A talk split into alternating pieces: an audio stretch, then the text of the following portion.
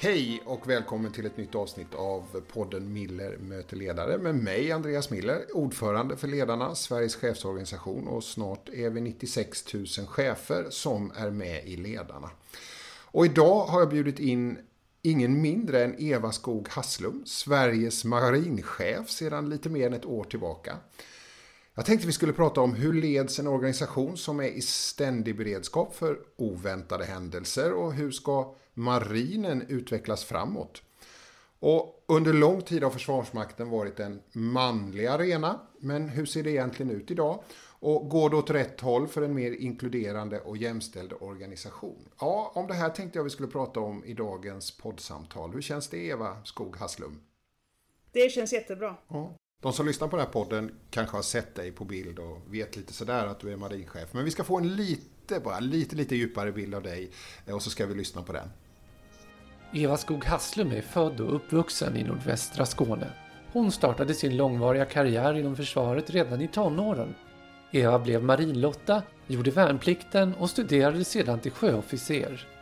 Därefter har hon befordrats flertalet gånger och haft många olika befattningar till exempel som fartygschef där hon patrullerat den libanesiska kusten. I början av 2020 befordrades Eva till konteramiral och utsågs till Sveriges marinchef. En post som för första gången innehas av en kvinna. Eva visar att en kvinna kan ta sig till toppen i en av de mest mansdominerade organisationerna. Och som denna förebild utsågs hon till Årets inspiratör 2020 på Framtidsskalan. Nordvästra Skåne har du vuxit upp i och, och det är mm. väl i Torekov för att vara lite mer exakt. Just det. Ja. Stämmer bara det. Du, närheten till havet, är det grunden för ditt val av yrkesbana just inom marinen? Ja, det är det väl absolut. Att havet har varit så naturligt för mig hela min uppväxt, så, så visst är det så. Eh, det är klart, sen finns det en massa andra anledningar till att jag har valt både den militära banan och just marinen, men eh, absolut en bidragande orsak. Du, var det självklart för dig eh, att jobba inom militären eller fanns det andra områden som lockade? För du, som jag förstår det så har du i hela ditt yrkesliv varit i militären va?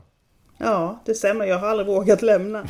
Men eh, eh, det var självklart från det att jag gick på högstadiet. Innan det så var jag ju en klassisk typisk hästtjej. Så att det hade jag också velat jobba med såklart, med hästar och så. Men ifrån högstadiet så var, det väldigt, var jag väldigt fast besluten Va? om att det var det militära. Vad hände där då? Vad hände på högstadiet? Då, gick jag, då var jag med i Hemvärnet och, och tyckte att det där var väldigt spännande. Och jag hade ju Flygflottiljen F10 låg i Ängelholm så att det var ju väldigt nära till hands. Och jag var där på prao och som var med, med i Hemvärnet och engagerade och sådär. Så jag tyckte det var väldigt spännande. Det var en spännande värld att, att, att komma in i. Mm. Mm. Ja, då, om någon hade sagt till den där tjejen som var tonåring i Torekov och var med i Hemvärnet att du kommer bli Sveriges marinchef när du blir vuxen. Vad hade hon sagt då? Nej men jag hade nog bara skrattat. Och det hade nog hela min omgivning gjort också. Faktiskt. Jaså, varför jag tror hade inte, det? Ja, nej jag tror inte absolut. För det första, jag har aldrig haft sådana planer. Eh, aldrig någonsin har jag haft planer på att bli marinchef. Och Eh, det är nog ingen annan som har haft det egentligen tidigare heller för mig då. Nej, jag har, jag har nog bara, jag har nog varit verkligen att ta dagen som den kommer och, och gjort det som jag har tyckt var roligt egentligen. Så att jag har aldrig haft den typen av planer. Min, min enda plan jag har haft det var att läsa på officershögskolan. Det, det gjorde jag ju 88 till 90 och efter det har jag faktiskt inte planerat så mycket. Jag vet att det låter konstigt men det, det stämmer verkligen. Jag har inte planerat någonting så. Men du, när, när, man, när man ändå ställs inför frågan att bli Sveriges marinchef, då finns det ju ett antal frågor ändå som kanske inte bara sådär omedelbart kan besvaras med ja. Eller, eller var det så för dig? Var det bara ja? Nej det var det, nej, det var faktiskt inte. I marinchefsfallet så ska jag nu ärligen säga att jag var väldigt tveksam. Eh, jag kände att det fanns nog andra som var bättre på det än, än jag. Eh, men samtidigt, det är ju nu när jag väl är i jobbet så tycker jag att det är väldigt roligt. Men just där och då så var det nog eh, snarare så att jag tyckte att någon annan kunde göra det mycket bättre än vad jag kunde. Tänkte du bara så eller tänkte du liksom eh, Jämför du dig med andra eller, eller gick du liksom en resa med dig själv att försöka se vad kan jag göra i det här jobbet? Jo, så var det såklart. Sen blev man ju återigen smickrad av att någon tror att jag kan klara det. Och eh, och det, det är väl det som jag har på något sätt, jag har fått lita mig, förlita mig till andra egentligen. Att tro någon annan att jag klarar det så gör jag väl det. Ungefär så har jag resonerat. Det låter som att jag har väldigt dåligt självförtroende, det vill jag faktiskt inte påstå att jag har. Men jag har väl också kanske varit tillräckligt ödmjuk och tyckt att det varit andra som kunnat lösa det. Du, om jag får nu vara lite manligt fördomsfull då. Jag tänker så här, om jag hade suttit med en manlig marinchef här så tror jag att han kanske hade sagt, nej men jo det är klart jag funderade ett tag men, men jag tog det här jobbet. Jag sa ja. Alltså han kanske inte skulle säga, det finns andra som skulle kunna göra det här bättre. Eller är jag, är jag Nej, så är det nog. Om man generaliserar så är det nog så. Sen tror jag ju att vi alla är individer. Det finns säkert kvinnor som skulle resonera så också. Mm. Absolut. Eh, och jag, jag kanske sticker ut lite grann. Det, det gör jag nog. Men jag har... Jag, jag, tycker en konklusion som jag alltid har haft och det är liksom att man får inte ta sig själv på sådär vansinnigt stort allvar. Det, det finns massvis med människor som kan vara marinchefer. Det, det, så svårt är det inte. Och ibland så skämtar vi faktiskt om att amiral, det, det är svårt att bli, lätt att vara. Och, och, och det, det kanske är samma sak här. Marinchef, det är svårt att bli, lätt att vara. Men men jag, jag, tar inte mig själv på sådär vansinnigt stort allvar faktiskt. Är, jag är inte oumbärlig på jobbet. Hemma kanske jag är det, som mamma och så, men eh, inte, inte på jobbet. Mm. Kanske ger dig också en frihet, tänker jag, i uppdraget? Att tänka så, ja det kanske det gör faktiskt. Det, det kan det göra. Jag känner mig, nej precis, jag, det har du nog rätt Jag har inte riktigt funderat på det så, men det har du nog rätt i. Jag känner mig kanske inte lika bunden på det sättet, nej. nej. Mm. Om vi ska bara skulle dyka in i allvaret i ditt uppdrag eh, så är det ju faktiskt så att som Sveriges marinchef kan du beordra dina medarbetare att döda om läget så kräver. Hur hanterar du den makten? Ja, jag skulle vilja säga så här. Jag tror att vi växer in i den rollen. Eh, precis som du sa, jag har ju inte jobbat med någonting annat än att varit i marinen. Och i alla olika typer av arbeten som jag har haft i marinen så har man vuxit in i den rollen. Redan som fartygschef för 15 år sedan hade jag ju långtgående mandat. Eh, och, och, och, just att insätta vapen eh, om det skulle behövas. Så att jag skulle vilja säga att vi, vi växer in i det. Vi tränas ju i den här rollen hela tiden. Så är ju inte det någonting som man kanske går runt och tänker på dagligdags att, att vi har den makten. Absolut inte. Men det, det kommer ju... Jag är ju väldigt, alltså, jag är väldigt ödmjuk gentemot det, det ansvaret man har. Mm. Vad kräver det av dig? Jag skulle vilja säga att det kräver ödmjukhet men det kräver också Det kräver såklart oerhört mycket kunskap. Det kräver eh, att man har ett förtroende, både ifrån sina chefer men också att jag har åtnjuter ett förtroende gentemot mina direkt underställda chefer. Eh, det kräver eftertänksamhet såklart och mod. Så att det är ju inte det, det, är ju inte enkla beslut som man, man kanske ska fatta. Men det är väldigt, även om det alltid är eh, alltid till syvende och sist chefen som fattar beslutet så är det ju alltid så att jag fattar ju de besluten på underlag ifrån andra. Så att man, eh, även om man är ensam i själva beslutsfattningsmomentet så är man inte det i själva beredningen. Nej. Men i försvaret av beslutet? Förlåt? Men i försvaret av beslutet så, står, ja, så står du där. Då måste du kunna... Så står man ensam, ja. absolut. Och det är det jag menar att man måste ha väldigt mycket kunskap, mod och eftertänksamhet. Och ödmjukhet i det där. Du, jag såg på er webbsida, alltså försvarets webbsida, att svenska folkets förtroende för Försvarsmakten är det högsta sedan ni startade mätningarna för nio år sedan. Jag antar att det glädjer dig och många chefer inom Försvarsmakten. Eh, hur viktigt är det där med allmänheten, att den har ett högt förtroende för försvaret? Det är väldigt viktigt. Jag skulle säga att det är helt avgörande. Dels för att vi såklart är i behovet av vår rekrytering, men, men också som den myndighet som vi är. Eh, jag jämför till exempel med polisen då, där, där både vi och polisen, vi har ju då, precis som du var inne på, långtgående mandat. Eh, där är det viktigt att vi har ett väldigt starkt förtroende från allmänheten. Mm. Det, det, är det. Mm. mm. Hur tänker du då, då? Hur upprätthåller man ett högt förtroende? Hur jobbar du med det i din, i din organisation så att säga? Ja, det gör vi ju dels såklart via värnpliktiga. Nu när värnplikten har återinförts så är det ju en del i, i folkförankringen, även om det är väldigt få. Det är fortfarande bara 5-6% som gör värnplikten utav årskullen.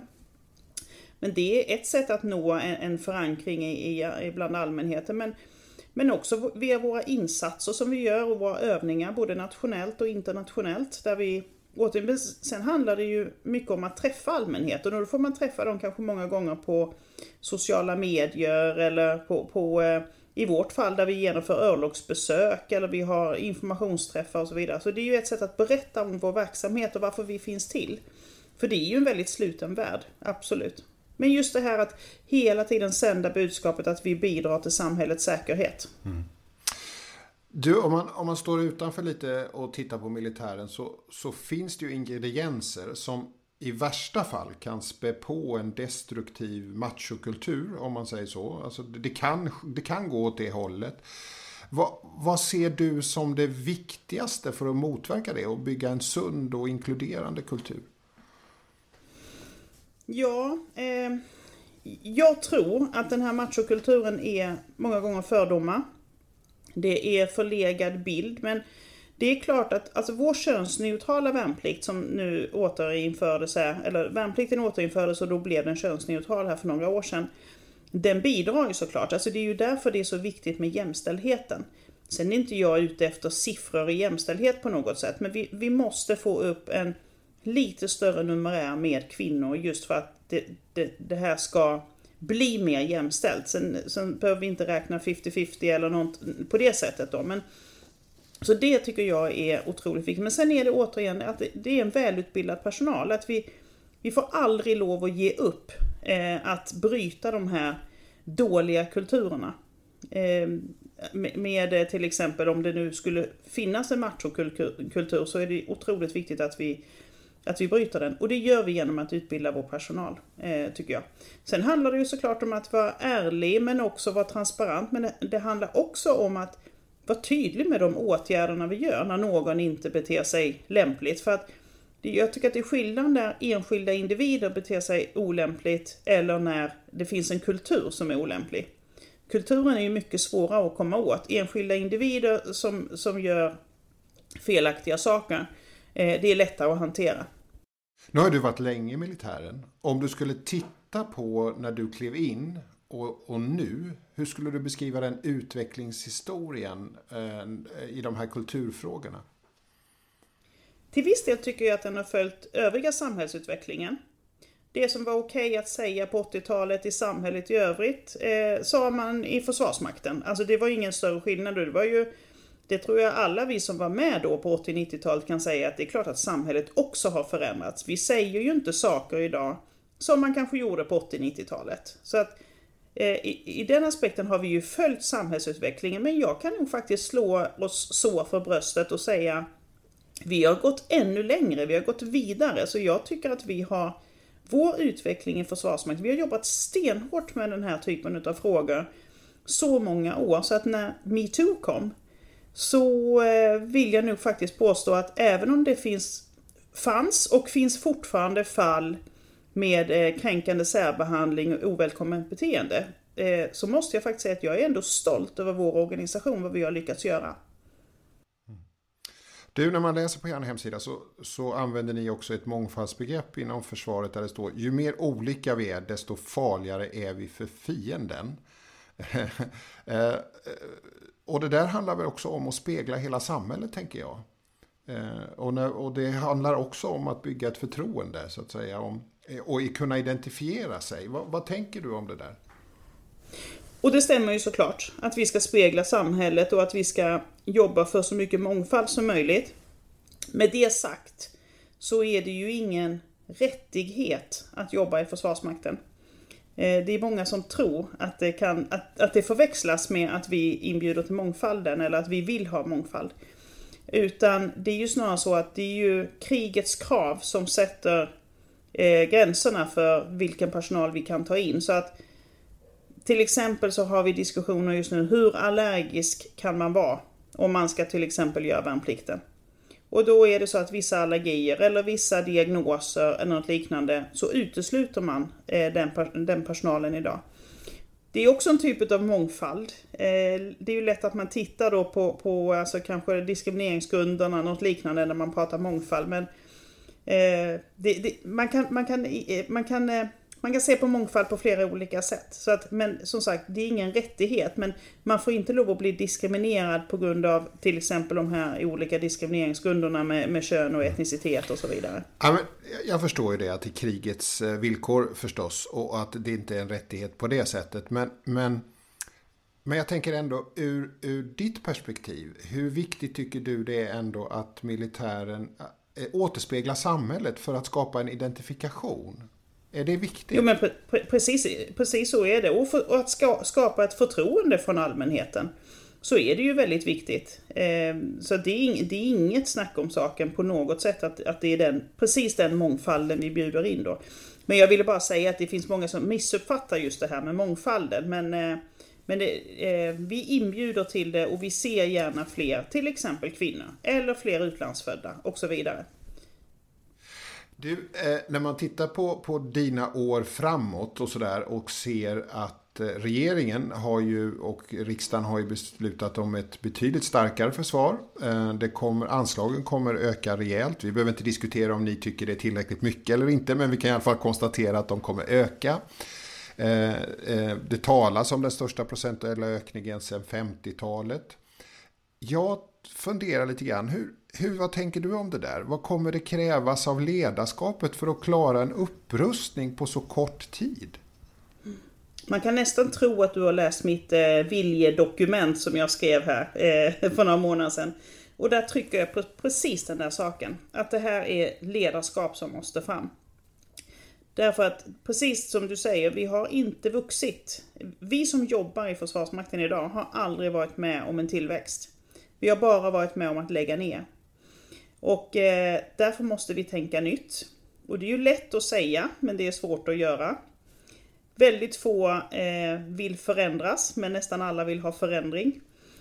Och det här är nog det svåraste mänskligheten kan hålla på med, det är att ändra på sig. Ändra på sina sätt att tänka och göra och, och processer och metoder och så vidare. Så att det här är ledarskap som heter duga. Eh, det jag försöker göra det är att ta ett tioårsperspektiv och försvarsbeslutet är ju femåriga. Men jag, jag hävdar att vi måste ta ett 10 och kanske i vissa fall även visionärt 20-årsperspektiv. Därför att vår materiella tillförsel, men även vår personella tillförsel, den tar så pass lång tid att, att tillverka. Vi tar ju inte in personal, eh, vi går ju inte ut och söker efter eh, örlogskaptener, översta och så vidare eh, på, på, en, på en annons. För att de fostrar ju vi i vårt system och det tar ett antal eh, eh, år att göra det. Så därför måste vi ta ett helhetsperspektiv både när det gäller den materiella eh, tillförseln men också personella. Är det, är... Och det försöker vi ta ett stort ansvar för i marinen just nu. Men är det så också att du som ledare ser också att de, på, de, det, det, på det sätt vi leder idag så kommer det gå för långsamt? Att vi måste hitta nya strukturer och nya former för att, för att, så att säga, etablera ny verksamhet? Eller? Ja, det går alldeles för långsamt. Och vi kommer ju ifrån en förvaltningsmodell. Eh, jag har eh, blivit citerad på det och jag säger det återigen att förr hade vi eh, tid men vi hade inte pengar. Och nu har vi fått pengar men vi har inte lika mycket tid. Så att det är just det att vi måste börja göra saker parallellt och inte sekventiellt. Utan, och, och, och, och, våga överpröva det här, våga vända på stenar. Och jag tror att jag många gånger blir anklagad för att jag inte förstår processerna. Och, men det är ju det att jag kanske försöker ifrågasätta processerna lite mer då. Men eh, det är, det är obekvämt. Jag gör mig nog själv väldigt obekväm hos många och kanske trampar vissa på tårna. Men jag, har, jag ger liksom inte upp utan vi ska göra det här men, men vi måste göra det med, en, eh, med ett steg utav mått och balans. Så att vi framförallt måste ha det här långsiktiga perspektivet. Det är så lätt att göra åtgärder nu så bara gör någonting bra kanske för närmaste året. Men vi måste se det här långsiktigt. Det, och, och, att hål, och att tålamod. Det kommer att ta så otroligt lång tid det här. Och jag är livrädd att vi, eh, eller våra beslutsfattare inte har tålamodet faktiskt. Utan att man börjar ja, ändra kursen här. Mm. Men du, vad gör du när du möter motstånd då? Du säger de tycker jag är obekväm. Eller liksom, vad gör du då? Mm. Jag försöker ju ta diskussionen såklart. Eh, sen är jag ju envis som, som attans. Men eh, jag, jag, jag försöker verkligen, jag försöker framför allt vilja eh, förstå eh, vad det är jag eh, kanske i så fall snubblar på eller något liknande. Så att jag förstår att vi alla är överens i alla fall. Mm. Ja, Eva, eh, väldigt kul att prata med dig tycker jag. Du, vad heter det, så här. Jag... Tack detsamma ska jag säga. ja, ja, ja. Nej men du, vad heter det, så här. Jag har ju, när jag har läst på om dig så har jag ju förstått att det är viktigt för dig att lära känna dina närmsta medarbetares hela sociala situation. Sådär. Eh, och Dels undrar jag så här, hur långt går du? Eller, och varför är det viktigt för dig? Varför är det viktigt för dig att veta? Jag, jag, jag slänger mig inte ner i fredagssoffan mellan, mellan, eh, mellan mina medarbetare och deras respektive. Det gör jag inte. Men, eh, ja, men det är viktigt för mig. Dels är jag nyfiken på människor. Jag tycker att det är spännande med människor. Eh, det är också sånt här man kan sitta och vända, vända ut och in på sig själv varför man tycker. Men jag har ju vuxit upp i en familj där det, det var alltid väldigt mycket människor hemma hos oss. Eh, Lastbilsåkeriets kontor var ju i, i hemmet. Så. Mor, mor hon skötte ju både kontoret och hemmet samtidigt. Så att jag har ju varit, alltid varit omgiven utav människor. Jag tycker att det är, det, är, det är roligt. Och det är roligt att lära känna människor. Och det är roligt att lära känna kopplingar mellan människor. Och, men, men det är en del i det här. Den andra delen är återigen, jag pratar om förtroende och tillit. Hela vår, hela vår verksamhet, den baseras på tillit. Vi måste lita på varandra. Framförallt vi, vi, jag brukar säga när jag var fartygschef att vi sitter i samma båt och det gjorde vi ju verkligen bokstavligen. Men vi måste kunna lita på varandra. Och lita på varandra, då känner man varandra. För jag, jag skulle ha jättesvårt att lita på en människa som jag inte visste någonting om egentligen. Så att för mig är det viktigt att veta vad, vad man har för respektive, vad, vad barnen sysslar med. Att man kan, och att man kan prata om den typen av alldagliga frågor eh, saker även, även på jobbet, över fikarasten och så vidare. Så att, för mig handlar det om att bygga ett förtroende och, och eh, lita på varandra. Men är det så också att du tänker att det där hemmalivet kan också spela in så att säga när fartyget ska styras? Att, att nu, är, ja. nu är det sämre hemma eh, eller nu är det bättre ja. hemma eller så? Ja, jag tror att människor som mår bra på jobbet och känner sig trygga på jobbet eh, de, de levererar också mycket bättre, bättre på jobbet. Så att jag, jag men å andra sidan, vi, jag är ju uppvuxen i, i en värld där man, man umgås 24 timmar om dygnet. Så att man kan liksom inte vara två olika personligheter. Det går liksom inte att vara en hemma och en på jobbet. För att det, det är för jobbigt. Så att det är därför man lär känna varandra. Men också just hemmaförhållandena som skulle kunna vara jobbiga. Att man kan komma och få säga till jobbet, på jobbet idag att Idag så var det så här jobbigt hemma eller något liknande. Och så har man den förståelsen och det stödet. Så att eh, vi brukar ibland säga att vi är som en andra familj på jobbet och det, det stämmer nog för de flesta. Det, det är jag rätt säker på. Mm. Och samtidigt så säger du att du sätter dig inte emellan parterna på, på fredagssoffan. det... Nej, jag försöker, ha, jag försöker att de, lite integritet ja, får man ha sådär. Nej, men, Möter du någon gång en medarbetare som tycker att nej men mitt privatliv vill jag ha för mig själv. Alltså har du mm. stött på det? Mm. Vad, vad händer med ja. dig då? Absolut, och det har jag full respekt för. Att man, eh, man vill ha det där separat. Eh, privatlivet är en sak och, och eh, arbetslivet är ett annat. Och det får man ju ha full respekt för, absolut. Jag menar, jag är jag och jag har full respekt på, för att andra människor är, är annorlunda. Men för mig är det viktigt att i mitt chefskap, men också det kollegiala, att lära känna eh, mina medarbetare. Mm. Om vi ska fortsätta med de här ledarskapsfrågorna lite grann. Eh, det är väldigt intressant för jag tänker du bedriver ju en verksamhet som liksom hela tiden måste vara beredd på snabba händelseutvecklingar och, och liksom, det kan hända något väldigt oförutsagt och så vidare. Hur, hur tränar du dig för det där och hur tränar ni er för det där? Att hela tiden vara beredda på det oförutsägbara så att säga. Mm. Det gör vi ju också hela tiden. Eh, Ständigt tränas att, att liksom, alltså i det blir nästan, vi kallar det liksom stridsledning just det här när det händer någonting väldigt snabbt och hur, hur snabba vi är på att agera. Så att vi, man kan ju sitta att ha en fikastund och så händer någonting och man agerar väldigt, väldigt fort. Och det, det tränar vi också oss i ända från det vi börjar egentligen. Att kunna, kunna vara både, både snabba och alltså snabba, snabbt reagerande men, men också kunna långsiktigt höja blicken och, och så. Så att eh, det, det, är väl, det ingår på något sätt i hela vårt yrke från allra första början. Att kunna hantera snabbt eh, uppkomna situationer. Du, det är ju inte helt ovanligt att chefer inom näringslivet har en militär ledarbakgrund i bagaget. Eh, inte bara vara näringslivet, det kan ju finnas andra sammanhang. Jag minns jag hade en militär som blev lärare i min egen skola. Men du, eh, eh, vi behöver inte gå in på det, men i alla fall. Tänk alla fördomarna kring det där, en militär som lärare. Nej, han var bra faktiskt, det ska jag säga. Men du, vilken nytta nytta tror du det militära ledarskapet för, för ta med, kan, vad kan man ta med därifrån in i andra branscher? Jag tror ju att det militära ledarskapet är väldigt bra på alla sätt och vis överallt. Så lite, känns ju oödmjukt att säga att det behövs överallt, det är inte så jag menar men Dels att det behövs som ambassadörer för Försvarsmakten. För vårt ledarskap är ju någonting, vi får ju teorin och praktiken den drillas vi ju egentligen på något sätt ända från, från vi gör värnplikten och, och och eh, i alla nivåer. Så att om man till exempel har eh, gjort en reservofficersutbildning eller något liknande så har man ju fått ja, drillas i ledarskapet. Och det är ju många som har gått Försvarsmaktens ledarskapsutbildningar. Men då brukar jag säga, då har man gått den teoretiska varianten, men den praktiska varianten, den här som vi utsätter oss själva för i, i våra insatsområden, både nationellt och internationellt, den har man ju inte kunnat ge på samma sätt. Så att eh, just det här varvandet utav teori och praktik, och, och framförallt under påfrestande förhållanden, det är ju den som på något sätt skapar ledarna. Och den kan ju då övriga delen av eh, samhället åtnjuta. Mm. Mm. Du, jag tänker sådär, du kommer ju behöva, liksom du ska nu skala upp verksamheten och sådär. Kan du vara orolig för att liksom chefer och ledare kan lockas från militären och kliva ut i det civila livet och liksom att det kommer finnas en dragkamp där och så?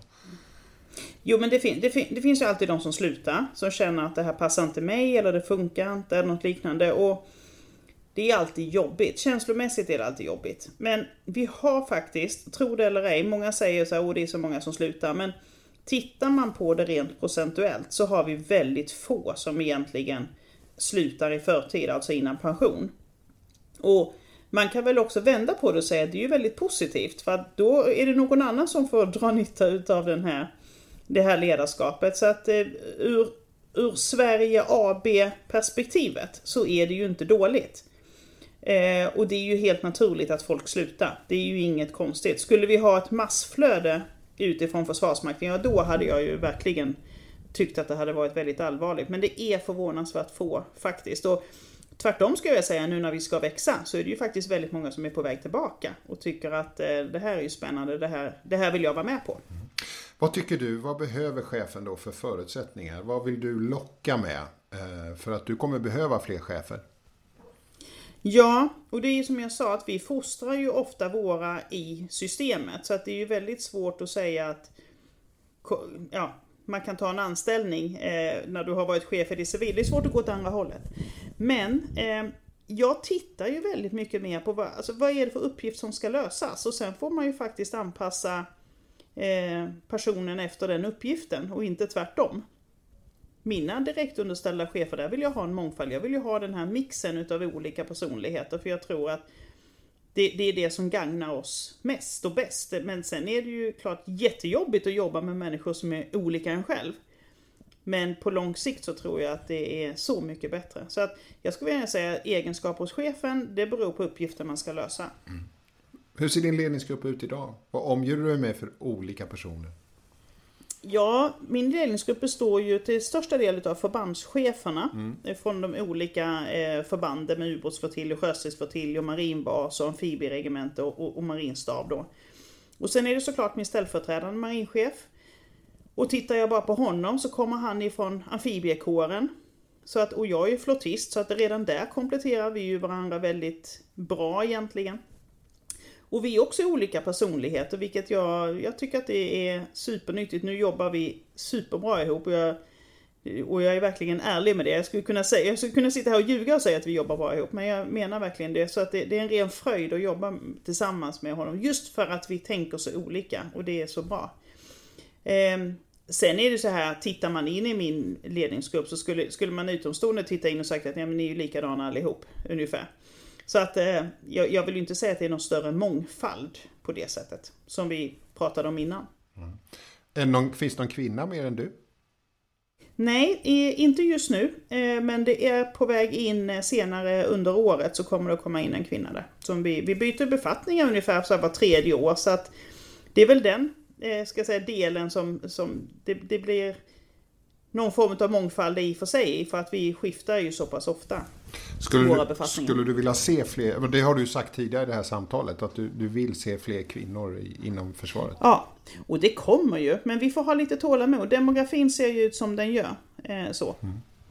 Du, eh, om du Eva skulle liksom säga Eh, har du, eller vad skulle du säga, vad är dina främsta styrkor som ledare? Och, och, nu, nu får du inte säga ja, men det ska andra bedöma. Ja, jag fattar det. Men om jag nu ändå frågar dig. ja, då säger jag det som andra brukar säga till mig då i så fall då. Nej men jag, jag vet med mig själv att jag är, jag är en väldigt öppen person. Eh, jag vet att det är lätt att prata med mig och jag tycker att det är lätt att prata med andra. Jag bryr mig väldigt mycket om andra människor. Och jag tycker att det är jag tycker att det är bra egenskaper att ha när man är chef. Jag försöker verkligen vara ett föredöme. Jag försöker leva eh, som jag lär. Jag försöker verkligen vara den där personen genuint eh, hela tiden. Sen reflekterar jag väldigt mycket. Jag funderar och tänker rätt mycket på eh, hur jag är. Och det tror jag också är väldigt nyttig egenskap på något sätt att vara en reflekterande person. Eh, ja, det är väl ungefär det som jag tänker. Sen är jag, jag är ju...